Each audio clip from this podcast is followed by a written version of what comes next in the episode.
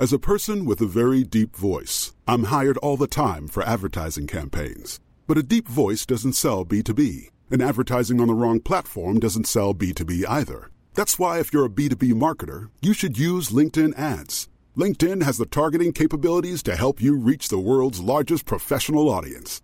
That's right, over 70 million decision makers all in one place. All the big wigs, then medium wigs, also small wigs who are on the path to becoming big wigs.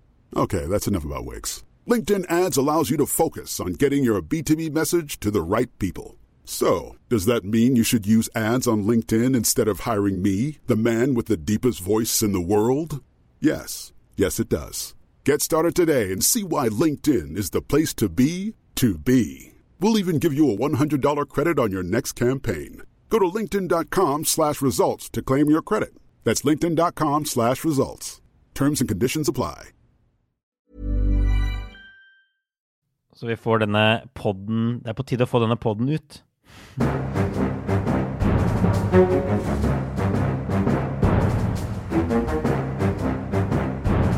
Da kjører vi på med en ny episode Aftenpodden USA. Kristina Pletten, kommentator, har akkurat kommet inn døra etter en heisatur til Geilo. er det her? En forfriskende tur, kan man vel kalle det. Med gode, Ja. gamle venninner og eh, godt humør og så videre og så videre. Og veldig mye snø og is Ja. og kulde og lastebiler på veien tilbake. Så det har vært en, eh, en litt sånn uh, knapp greie for å nå tilbake igjen til å spille inn pod med deg, men nå er vi her begge to. Ja, nå er vi her begge to. Det ser ut som huset ditt er minus 20 grader. Men dere får vel få opp varmen etter hvert. Det er ikke noe Det er det ingen nordmenn som kjører varme når de ikke er hjemme lenger. Det er, det er det slutt på nå, der borte. Det er slutt på det. Nå er det det, det til, holder til og med på å gå tomt for ved, fordi at folk er blitt helt gale med disse strømprisene og bare fyrer ved og bruker ingen strøm. Og det var til og med en diskusjon blant noen av disse venninnene mine om det bedre å vaske opp eh, i kummen eller vaske kjøler i vaskemaskinen, er oppvaskmaskinen. Altså hva som er, lønner seg mest. Så det er virkelig Vi har fått en ny type liksom ting å snakke om når det gjelder sparing og penger, som jeg aldri har diskutert før. Ja. I hvert fall ikke så jeg kan huske. På denne måten. Jeg er jo da Øystein Langberg, USA-korrespondent. Jeg er i DC, og jeg må jo bare si at å følge Norge om dagen er altså Vanligvis er det jo liksom USA som er kaoslandet, og Norge som er det rolige landet, men nå virker det som bare alt rakner hjemme hos dere. Grunnen til at podden er noen dager forsinket, er at jeg har farta rundt med, med kronprins, olje- og energiminister, næringsminister og utenriksminister. Men de har jo måttet dra hjem én etter én. Olje- og energiministeren var her vel i en dag eller noe, så måtte næringsministeren hjem på tirsdag. Så, det, så det, det er, de må hjem rett og slett fordi det er bare full krise hjemme på både strøm- og koronafronter og snøkaos. Og det er ingen som er så veldig interessert i disse sakene vi skriver herfra, kan jeg fortelle. Nei, altså Norge er jo på omikron-toppen Ja. uh, i verden, så vi er virkelig uh in the hotspot Ja. akkurat nå. Du, jeg har vært i dag faktisk og hørt på, på senator Liza Markowski. Det er det som er gøy med disse turene, da. At man på en måte kan møte folk vi vanligvis har ganske vanskelig med å få tilgang til, f.eks. amerikanske politikere. Og Murkowski er jo sånn Hun er fra Alaska og er jo en veldig interessant republikansk politiker. Hun har sittet i et panel med utenriksminister Anniken Huitfeldt og, og Angus King fra Maine, en annen, annen senator. Eh, og hun sa noen ord til kronprinsen etter dette paneldebatten om Arktis. Og så sa hun noen, noen ord til norsk presse, eh, som var veldig, veldig, veldig, veldig gøy for oss. Men Markowski blir jo en sånn superviktig person uh, det neste året for å se hvilken liksom, makt Trump fortsatt har over partiet. ikke sant? Republikaner. som er, Hun snakka masse i dette panelet om tverrpolitisk samarbeid. Det, det er som å få et sånn panel snytt ut av norsk politikk. ikke sant? Disse to, King, Murkowski og Huitfeldt, som er enige om det aller meste, og de skryter av infrastrukturpakka og sånn, som jo er veldig sånn uamerikansk, egentlig. Og Murkowski da stiller jo til gjenvalg, senator i 2022, og har blitt da vraket av sitt eget parti der oppe. Kritisert Trump, støtter en annen republikansk kandidat sånn, så hun er virkelig i hardt vær. Men spennende dame. Jeg tror hun har blitt vraket av sitt eget parti en gang før, og Ja. likevel vunnet valget. Hun er skikkelig sånn der uh, tøffing, altså. Og så er jo hun en del av det som vi har snakket om før, dette Problem Solvers Group, eller hva de Ja. kaller seg, som er den sånn lille gruppen av senatorer som forsøker å finne et slags grunnlag for tverrpolitisk samarbeid. Så det er veldig kult at du har møtt henne. Ja. Vi skal, lage en liten, vi skal lage en liten snutt. Vi fikk jo ikke veldig mye tid med henne, men eh, vi skal lage en liten snutt om eh, både det hun snakket med kronprinsen om, og, og litt om hennes muligheter neste år. Det kommer jo helt sikkert tilbake til mellomvalget og alle de, alle de, kampene der og maktforholdene både på begge sider og sånn. Men i dag Kristina, skal vi snakke litt om religion i USA. For å bare hoppe til noe helt annet. Eh, altså, det er også noe vi har lyst til å snakke om lenge. Det er bare en utrolig viktig del av samfunnet i USA. Uh, som kanskje ikke får den oppmerksomheten den fortjener, verken på vår pod eller andre steder. Det ligger litt sånn i bakgrunnen og ulmer. Uh, men nå skjer det da masse endringer uh, veldig raskt, som egentlig kan få store konsekvenser for USA, politisk, samfunnsmessig sånn. Så i dag skal vi gå litt inn i religion.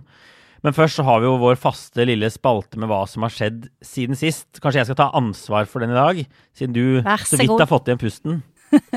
ja, nei, du, vi, vi, la jo ut uh, litt også i gruppa vår på Facebook, som alle selvfølgelig må følge, om denne uh, høringen om en ny abortlov i Mississippi.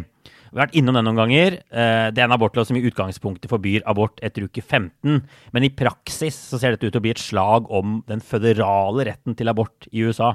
Altså om det er en rettighet over hele USA, eller om det blir opp til delstaten å sette sine helt egne abortlover. Og jeg må si bare, Når man så den høringen og det disse dommerne sa, så er det ekstremt illevarslende for abortforkjemperne.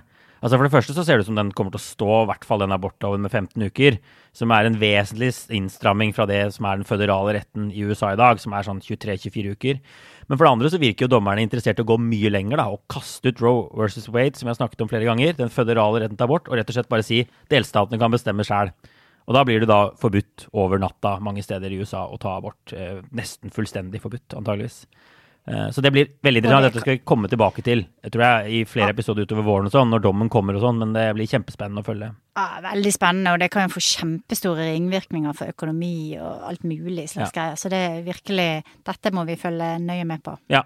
Vi tar med at eh, USA har eh, vedtatt å diplomatisk boikotte Beijing-OL, men de sender altså sine utøvere likevel. Men det betyr altså at Jill Biden, Joe Biden Disse menneskene da kommer ikke til å dukke opp i, i Beijing. Uh, og så til slutt bare må vi ta med også at CNN-anker Chris Cuomo, som altså er broren til New Yorks tidligere guvernør Andrew Cuomo, har fått sparken.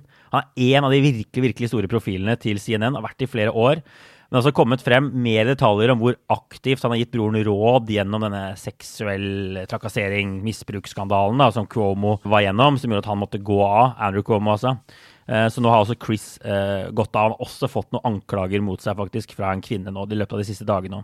Så det har virkelig vært et, et stort fall for den familien, som hadde liksom kjempeposisjon ja, altså både i mediene og i politikken. Det er skikkelig sånn crash and burn for Cuomo-familien. Og Mario Cuomo, som var faren deres, var jo en legendarisk eh, guvernør i New York, og ja. av mange ansett som sånn en som kunne bli presidentkandidat osv. Så, videre. så nå har de virkelig gått på trynet, for å si det på godt norsk, da. Ja, veldig. Veldig. Men du, la oss gå over til religion eh, og snakke litt om det. Om endringene. Men jeg har lyst til å bare først snakke litt om religionens plass i USA. For det er jo en ting at jeg har reist mye rundt i Europa. Religion langt mindre fremtredende i lokalsamfunnet sånn. Europa har vært gjennom en lang sekulariseringsprosess. Relativt få troende, i hvert fall dypt troende igjen.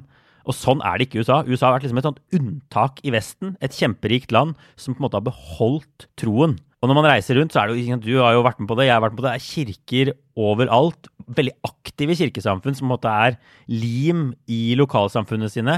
Og ofte ligger i konkurranse med hverandre. Og de legges ned og opprettes og liksom har ulik filosofi og prøver liksom å, å nærmest stjele litt hverandres, uh, hverandres kirkegjengere, hverandres menighet. Mm. Uh, men det er ja, veldig spennende. Det er jo et ypperlig sted å starte når man kommer til et sted man ikke har vært før, f.eks. en kirke. Ja, det gjør jeg veldig ofte, særlig på mindre steder. Da, da er det kirken jeg eh, tyr til, fordi at der vet som regel presten og de andre som eh, jobber der, da. De kjenner lokalmiljøet, ja. de kjenner folk, og de kan liksom peke deg videre til det du kanskje leiter etter, og også fortelle deg litt sånn ting om lokalmiljøet, så du ikke nødvendigvis kan lese deg opp til på nett og sånne ting.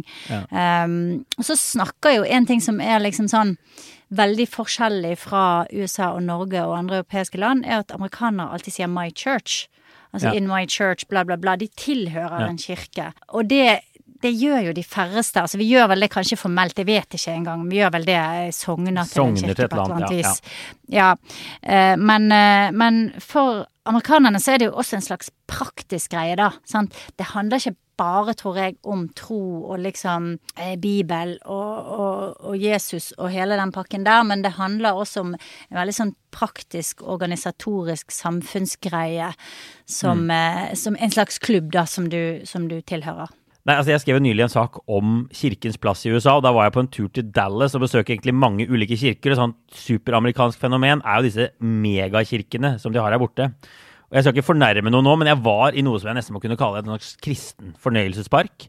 Og det var en onsdag, en helt vanlig onsdag, og det var så mye folk på denne campusen utenfor Dallas. Det var en mathall fullt av mennesker, ikke sant, dette sosiale aspektet. De har jo et, et stort kirkerom, det var tomt den dagen, men det var masse sånn barnegrupper, ungdomsgrupper. I ett rom var det to prester som liksom debatterte ulike sånn, teologiske ting fra Bibelen med seg, liksom for og imot, het det. Og et annet sted var det sånn sunget høytidelig messe i en sånn egen kirke på siden. Så det er bare sånn fascinerende steder. Som folk liksom, Der tilbringer de aller meste av fritiden sin. Mm. Og i, også i New York er, det jo, er jo kirken eh, har jo en stor plass.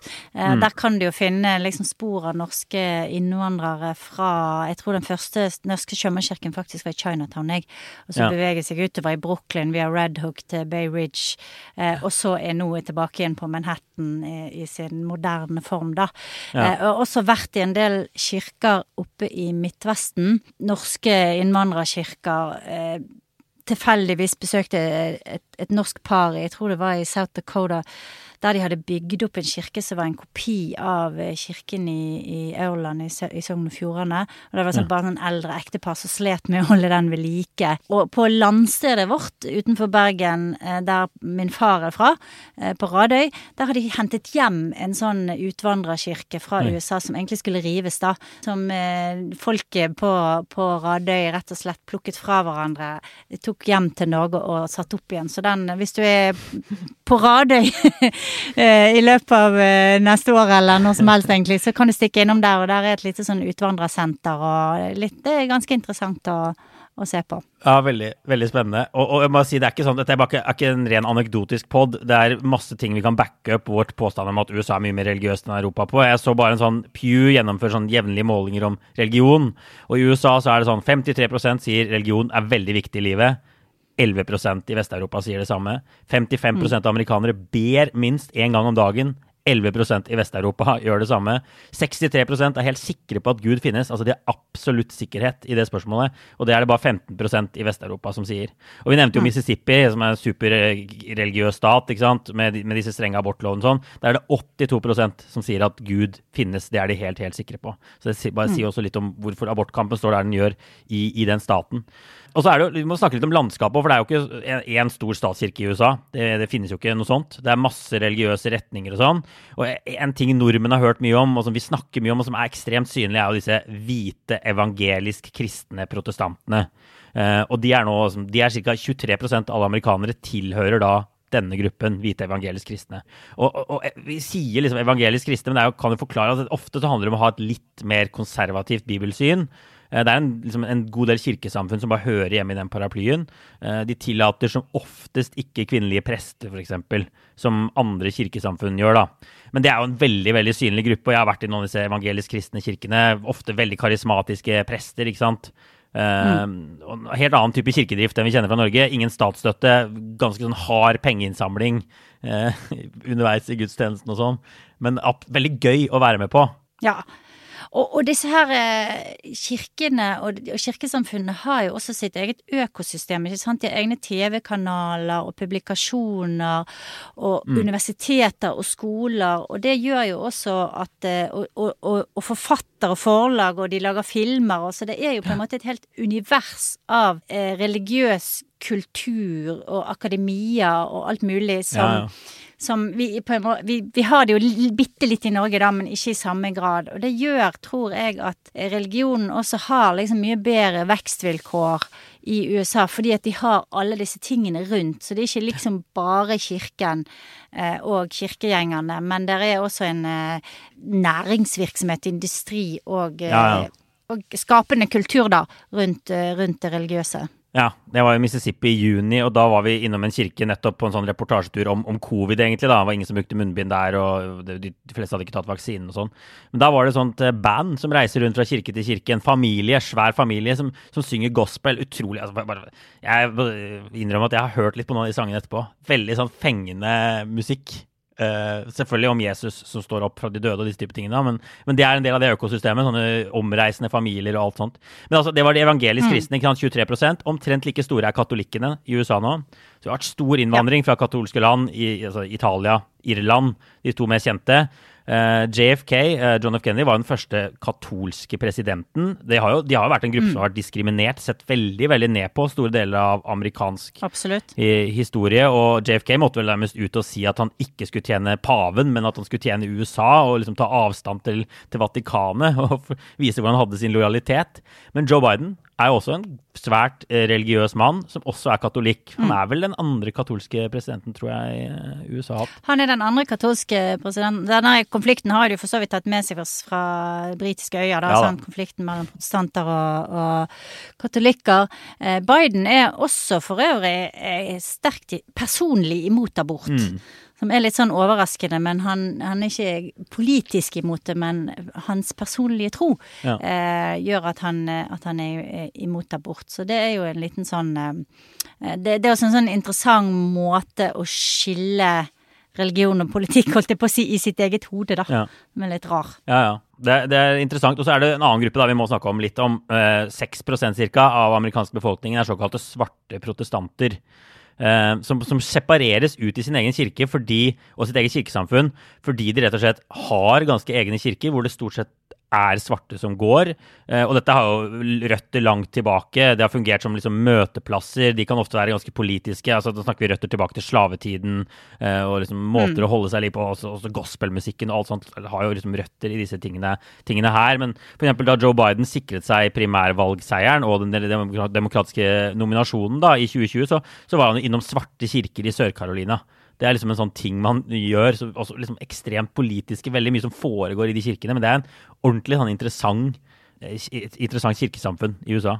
Ja, altså har vært masse rundt i svarte kirker i, i, forskjellige deler av landet. Kanskje det som gjorde mest inntrykk, var faktisk i Charleston. Mm. Eh, denne kirken som ble angrepet av en sånn eh, white supremacist, og han tror han drepte syv stykker. Nå kommer ikke jeg i farten på hva kirken heter, men mm. eh, jeg var der for noen år siden og besøkte den og, og laget en sak på det, og det, det var jo en helt eh, forferdelig eh, tragedie, det som skjedde der, men, men det var liksom måten de folkene var veldig gamle folk som tilhørte den kirken. Og den var en sånn eh, sant, dyp sørstatskirke. Og måten de liksom følte tilhørighet Følte at alle hadde blitt angrepet fordi kirken deres hadde blitt angrepet. Ja. Alle som tilhørte kirken, følte at det var et personlig angrep på de.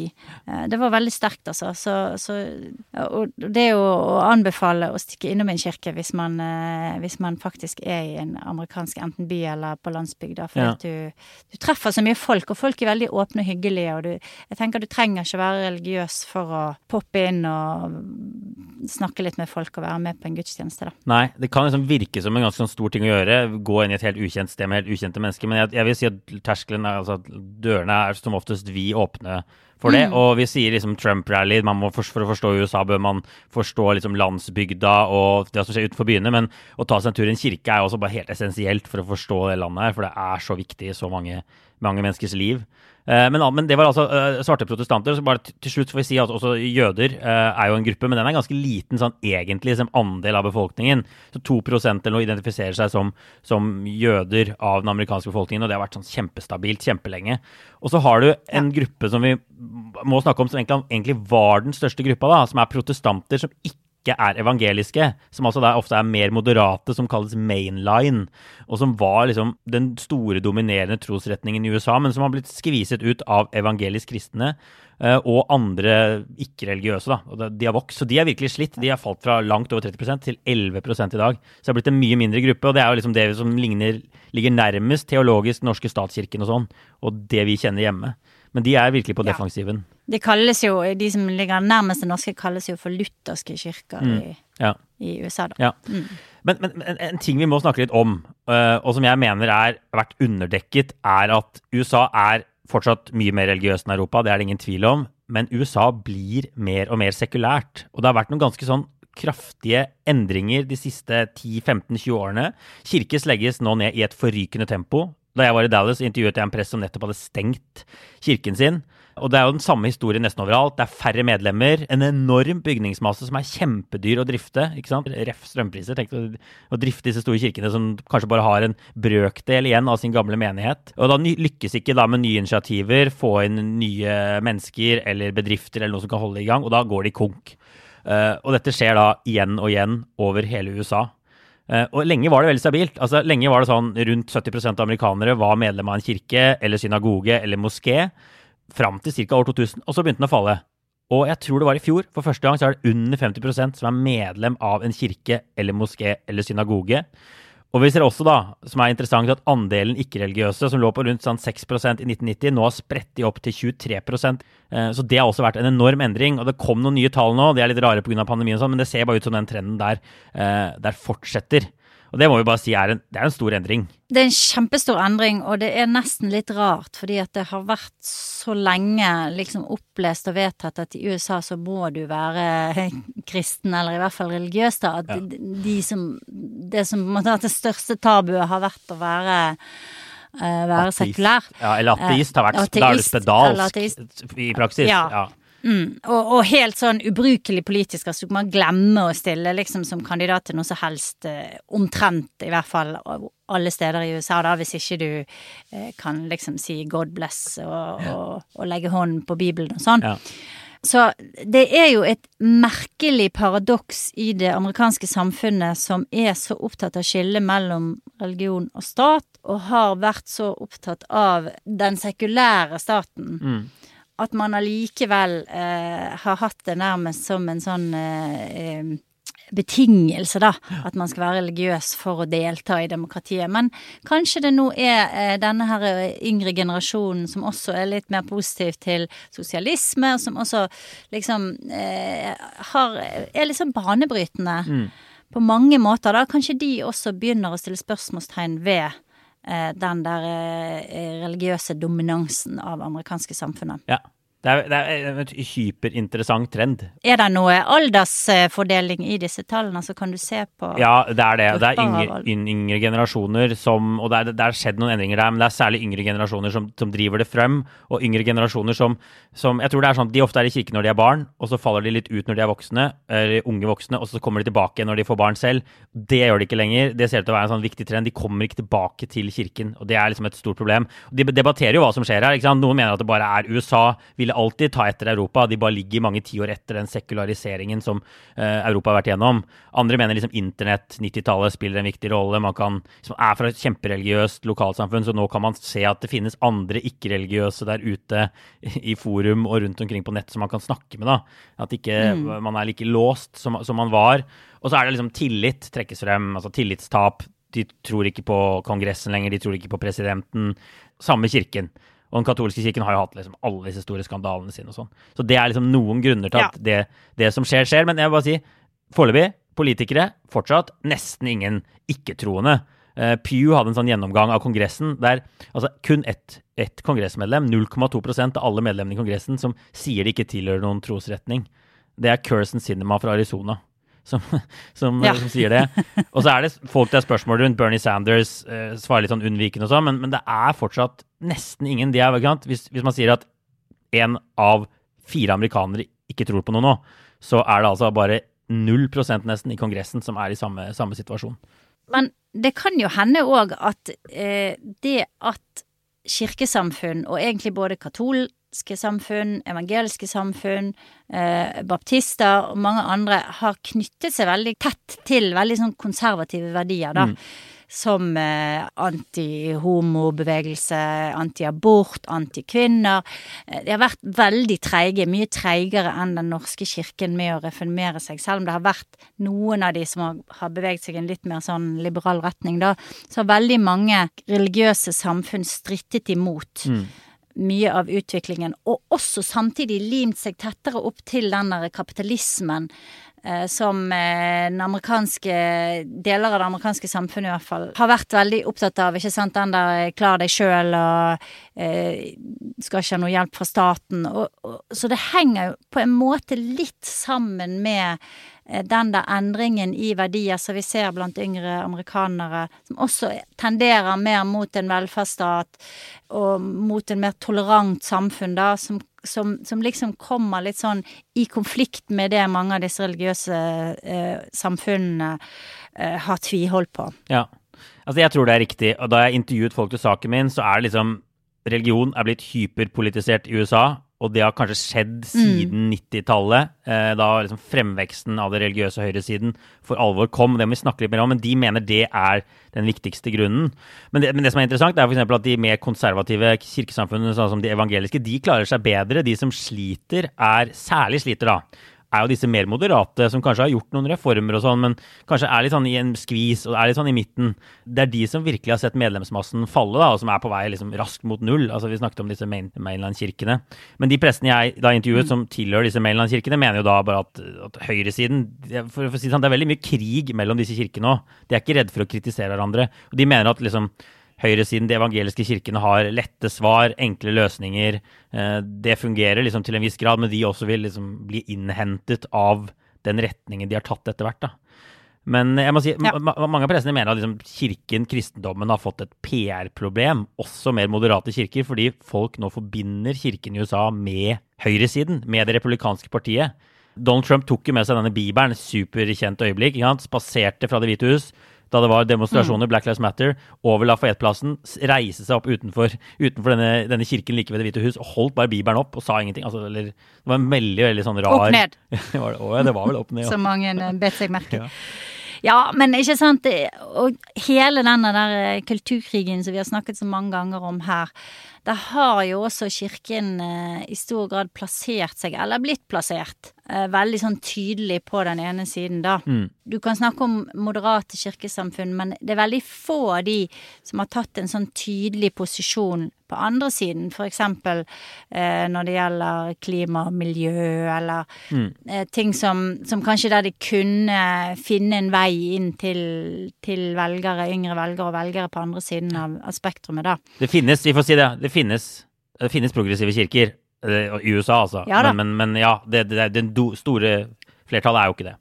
Og, og, og, du har litt av den samme problemstillingen i sånn mikroformat i Kristelig Folkeparti i Norge, ikke sant? Mm. Der de heller ikke har klart å, å, å fornye seg og finne en vei ja. videre. Eh, men, i, men, i, USA så har jo de religiøse et godt grep om høyresiden, og derfor trenger man på en måte Derfor blir på en måte velgerne, veldig religiøse velgere blir slust over den veien, hvis det, hvis eh, det er det viktigste for dem. Og så fins det ikke noe rom, eller de har ikke laget seg noe rom på andre siden. Nei, de sliter i hvert fall det jeg tror det er rett, de sliter i hvert fall veldig. Han ene presten jeg intervjuet da jeg var i, i Dallas, sa at måte, kona hans hadde snakket med sin personlige trener og sagt liksom hun er kjempereligiøs, det kommer frem, men så sa hun at hun var demokrat. Og da fikk denne treneren liksom helt sjokk. Hvordan kan du være kristen og demokrat? Var liksom hans anekdotiske fortelling. Og det er nok, Jeg har hørt andre prester si det, som, reiser rundt på uh, universitetscampuser, og ikke nødvendigvis representerer evangeliske kirker, men kanskje mer moderate kirker. De, de sliter med å få måte, studenter til å være interessante, for de forbinder hele religionen med med, med, det republikanske partiet. da. Og, og, og det, er, det, er, liksom ikke tatt helt ut av det blå heller. Jeg så noen sånne tall på altså, Hvis man ser på hvite, uh, hvite, amerikanere som går i kirken hver uke, så var det sånn på slutten av 70-tallet så var halvparten av de eh, demokrater, og nå er det 25 så det har skjedd en sortering der. Og hvis man ser på hvite evangelisk kristne, altså de liksom mer eh, konservative der, så, så, tror jeg Trump raska med seg 84% eller noe ved forrige valg der. Så, så, de er jo liksom tydelig i den republikanske, republikanske fløyen. Uh, og sto ved han liksom i fire år, og stemte på han igjen i 2020. Absolutt. Og så er det jo en ting òg eh, som er, er mer eh, praktisk og eh, mundant, da, men at eh, faktisk eh, det koster penger å være medlem av et kirkesamfunn. Og veldig mange steder så koster det faktisk ganske mye.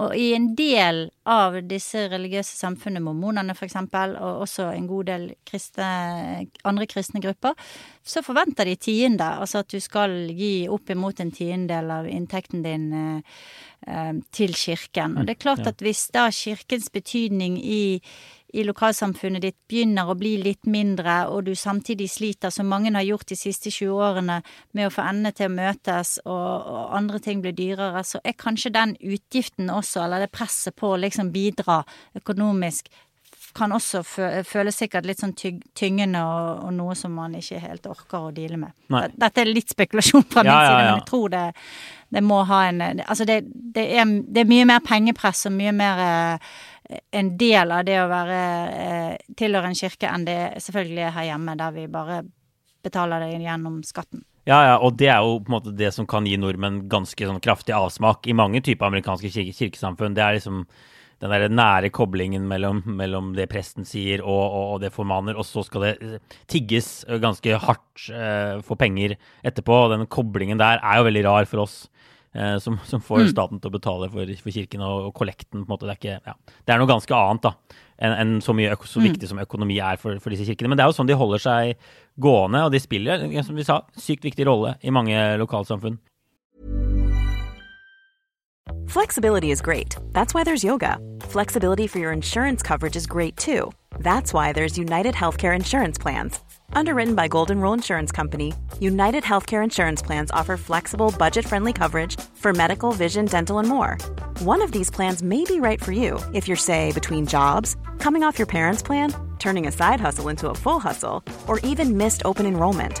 Want more flexibility? Find out more about United Healthcare Insurance Plans at uh1.com.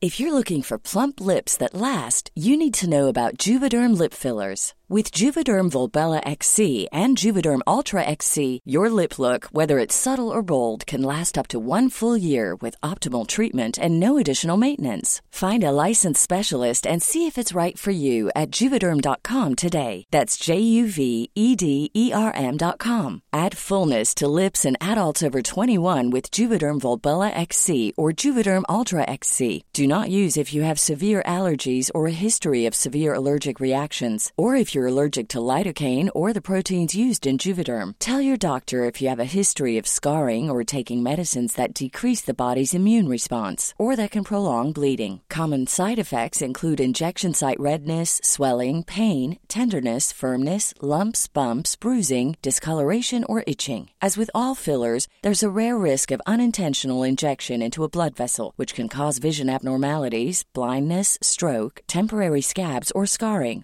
For full important safety information, visit juvederm.com. Ja, og en del kirker har jo også de, mange som driver barnehager, eksempel. Veldig mange kirker driver barnehager, og det er de som har den rollen Ja. eh, i lokalsamfunn mange steder. Og det gjør jo også at de Sånn sikrer de seg rekrutteringen på vis. Eh, og så driver de klinikker. Kat katolske kirken Jeg har jo vært veldig frempå med å drive alle mulige typer service. Altså fra universiteter og skoler til eh, klinikker og sykehus. Så du har også den biten av det der som vi har glemt å nevne, som, som også gjør at de har en liksom helt annen påvirkning på samfunnet. En annen liksom sånn praktisk eh, inngripen Ja. i samfunnet de har her. Og så får vi si at andre religioner, som det klassifiseres som i disse spørreundersøkelsene, er en ganske raskt voksende gruppe. Altså Den store, store trenden vil jeg si, er sekulariseringen. Flere som ikke tror, eh, ikke tilhører noen religion. Men, men det er også fremvekst selvfølgelig av, eh, av muslimer, buddhister, hindu Altså de andre gruppene. Men de er foreløpig ikke noen sånn De utgjør ikke en sånn kjempeandel av Men, men det, er- det er, der er det vekst. Så det er jo litt viktig å, viktig å ta med. Mormoner også plasseres jo i den andre gruppen der. Men la oss bare til slutt si litt, altså snakke om partiene. Hva betyr dette for, eh, for partiene? Det er jo lett å se for seg at altså, republikanerne har gjort seg veldig avhengig av hvite, konservative og da også kristne. Og hvis det er en gruppe som faller, og hvis man sier særlig at evangelisk-kristne også etter hvert er en gruppe som faller, så ser jo det på papiret i hvert fall ut som det er litt sånn dårlige nyheter for, eh, for det republikanske partiet, da, som er så tett knytta opp mot det. Det er liksom den kjappe, enkle førsteanalysen. Så er det sikkert litt nyanser og sånn her, da. Ja, på papiret kan det se sånn ut, men samtidig, hvis de, de religiøse begynner å samle seg i større og større grad på høyresiden, så kan det også ha en tiltrekningskraft på de som er igjen. Mm. På den andre siden, og der finner du jo f.eks. mange katolikker, dette har vi snakket om før, blant annet når det gjelder latinoer. Mm. Eh, at eh, katolikker som er veldig opptatt av de religiøse prinsippene sine, kan føle seg mindre og mindre hjemme. Mm. Eh, hos demokratene. Og, og de sekulære er jo fortsatt ikke en så stor gruppe, så hvis, hvis kristne religiøse, jøder, eh, andre eh, begynner å føle seg mindre hjemme da, mindre tilhørighet til, i det demokratiske partiet, så kan det jo fort gjøre at de kanskje rømmer over til, til republikanerne. Så sånn sett så er det litt sånn uklart for meg hva denne her eh, trenden vil si i det lengre løp. Ja, det er jeg enig i. Og vi får også ta med at når man snakker om ikke-religiøse her, så er det ikke det de færreste av de som kaller seg ateister eller agnostikere. De fleste er litt sånn tja. Og det er folk på både republikanere og demokrater i den gruppen. Jeg tror de ofte har litt uh, dårligere lønn. Eh, Litt lavere utdanning og sånn, så, så, så det er ikke liksom den, det er ikke den velutdannede akademiske, eh, knallharde eh, ateisten. Det er ikke, det, hele den gruppa er mye mer enn det. mye mer, og, og de hopper litt ut og inn av religion og sånn. Så, så, så ja, det er ikke sånn åpenbart at de vil skal være stemme demokratisk. Og demokratene driver heller ikke og tar noen sånn tydelig sånn ateistisk linje. Og det tror jeg er farlig for partiet. Vi har snakket om det, du nevnte da. De har konservative latinoer og veldig mange konservative svarte. Vi har også snakket om det før. Ja. Demokratene har en god del rene abortmotstandere. Altså Biden er jo mot abort, men for at folk skal kunne velge selv. Men det er også folk i partiet som, som vil svare vet du det burde være forbudt i alle tilfeller, abort. Eh, Det er en god del av de det demokratiske partiet, så de står i en spagat, eh, også det partiet. De kan ikke måte bli dette ordentlig sånn tydelig sekulære partiet. Det vil nok være en skikkelig, skikkelig fare, fare for dem. Nei, altså USA er jo bygd opp av veldig mye religiøse flyktninger, eller religiøse grupper som har flyktet fra forfølgelse eller undertrykkelse eller eh, noe midt imellom, da, og kom til USA. Og det, og det er jo en del av landets på en måte grunnmur og historie. Ja. Og så får du nå, som på veldig mange andre felt, så får du et slags oppgjør med det. Og en spørsmål om hva skal vi være videre, hva betyr det å være amerikansk? Er det eh, har, Kan vi liksom rekalibrere verdigrunnlaget vårt, da? Og modernisere det? Og det er Altså, jeg føler at veldig mange av de der podene våre ender opp i en sånn litt sånn prinsipiell diskusjon som, som, som sentrerer seg rundt dette punktet, da. Ja. At det er et land i en enorm sånn brytning. Og du ser det på så mange felt. Og det er, eh, det er spennende, men det er også sånn eh, jeg syns det er vanskelig å se eh, fremover og se akkurat hva utfallet vil bli, ikke sant. Ja. For det, det er også farlig, for når man har gjort det før, så plutselig så, så skjer noe. Plutselig så kommer Donald Trump og vinner valget, liksom. Ja. Så, så, så, så ting kan få veldig sånn konsekvenser som man ikke klarer å forutse. Men jeg tipper at det tar lang tid før USA har en ikke-troende, åpent ikke-troende president. Det tror jeg det liksom ligger noen tiår frem i tid, hvis jeg skulle gjette. Men who knows? Dette er overrasket før dette landet her, så vi får, vi får bare se. Men du, jeg tror vi skal uh, bare gå videre og ta litt obligatorisk refleksjon til slutt. Kanskje du kan starte, Kristine. Har du tenkt på noe spennende mens du har kjørt hjem i snøkaoset fra Geilo?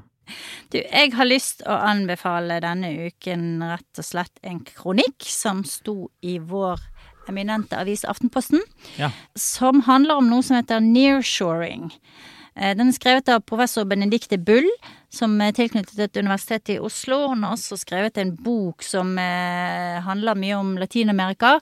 Men eh, i kronikken så skriver hun om dette at landene sør for USA da kan bli vinneren av den kalde krigen på den måten at amerikanske næringsliv og amerikanske politikere begynner å se verdien av å etablere næringskjeder som er nærmere og mer oversiktlige i nabolandene. Ja. Eh, Det er det som nearshoring betyr, Ok, da. ja. At man rett og slett, ikke sant, istedenfor offshoring, offshore, ja. der man liksom ja, man flyttet eh, arbeidsplasser til Asia, for da var det billig arbeidskraft. Og så ser man nå med alle problemene som har vært også under pandemien, ikke sant, med leveranser og, og produksjonslinjer og så videre, at eh, kanskje det er lurt også å få eh, delprodusenter sånn nærmere hjemme, da. Ja. Eh, så hennes take er at eh, land i Latin-Amerika på litt sikt kan, eh, kan bli vinnere og, og få et løft fra, fra denne konflikten med Kina og pandemien, da, Ja. kombinert. Det syns jeg var interessant. Og, og kjente ikke så godt til dette begrepet nearshoring fra før, så vi kan legge ut en lenke til den og anbefale den, tenker jeg. Det legger vi ut i Aftenpodden USA på Facebook, eh, så kan folk Mm. trykke seg inn og lese der. Du, min OR er bare litt kjapt om denne mediedekninga av Joe Biden. Vi har vært innom det før, og vi snakket litt om det da Trump Mm. gikk av. Hvordan skal vi dekke han nå? Og, eller hvordan skal amerikanske medier dekke han nå? Det er liksom en vanskelig jobb etter så unntakstilstand som de Trump-årene var. Og så er det en kommentator da, i Washington Post som heter Dana Milbank, som har laget en sånn Han har egentlig fått en sånn, et selskap til å lage en sånn sentimentanalyse, hvor de går gjennom 65 nyhetskilder. Alt fra liksom ytre venstre til ytre høyre, og se på tonen i dekningen av Biden. Men i hvert fall det han kommer frem til, er at de siste fire månedene så har det vært omtrent like mye negativitet eh, rundt Bidens presidentskap som rundt Trumps presidentskap. Og det var altså fire måneder hvor det var under Trump Black Lives Matter-protester, pandemi, han nektet å godta valgresultatet, han fikk covid, og alt dette kaoset, ikke sant, i Trumps siste år. Mens Biden har jo hatt Afghanistan og sånn, men altså, Milbank da mener at det viser bare at mediene ikke treffer i balansen her i det hele tatt, og at altså, Trump skulle vært dekket betydelig dystrere enn det Biden sitt første har gjort, altså Trumps siste år. Eh, Så han mener liksom journalister driver med falsk balanse, da, falsk objektivitet. Og, men på andre veien at, man, at de liksom Ja. blir for strenge med Biden. Ja, de er for strenge med Biden, eh, og han mener liksom Det kommer litt an på hvor man liksom ser USA i dag. ikke sant? Er Biden return to normalcy, eller, er det, eller står USA i en kamp med liksom demokrati og de som vil sabotere det? Og han mener det da, han mener det er en sånn eksistensiell kamp som USA står i, eh, og som Biden halvveis er med på å føre. da, Og hvor man nå de dekker dette ikke godt nok, ikke skjevt nok. Jeg tror eksempelet hans er liksom at Biden ikke får gjennom sin eh, infrastrukturpakke, dekkes eh, på samme måte som måte, Trump, som prøver å, å altså, kvitte seg med demokratiet og nekte å godta valgresultatet. Det er liksom to negative saker. Eh, og det er to helt forskjellige ting, mener han. Eh, og så har det vært kjempedebatt mellom altså, journalister fra mainstream-media om både liksom, den analysen, om man kan få en datamaskin til å regne ut de tingene her, men om mediene har truffet eller ikke på balansen. da. Milbank er særlig kritisk til Politico, som jo driver sånn prosessjournalistikk på, på, på politikken. Ja, jeg skulle faktisk akkurat nevne Politico fordi at eh, jeg, jeg liker jo de ganske godt. Jeg syns at de, eh, de følger jo Kongressen og, og politikerne veldig tett, og Det hvite hus også. Eh, men de har noen sånne nyhetsbrev som jeg leser, og der de har en del saker som jeg tenker nå tar dere litt for hardt i, liksom. Nå, dette var litt sånn despo. Og de går også veldig hardt etter Camilla Harris. Ja.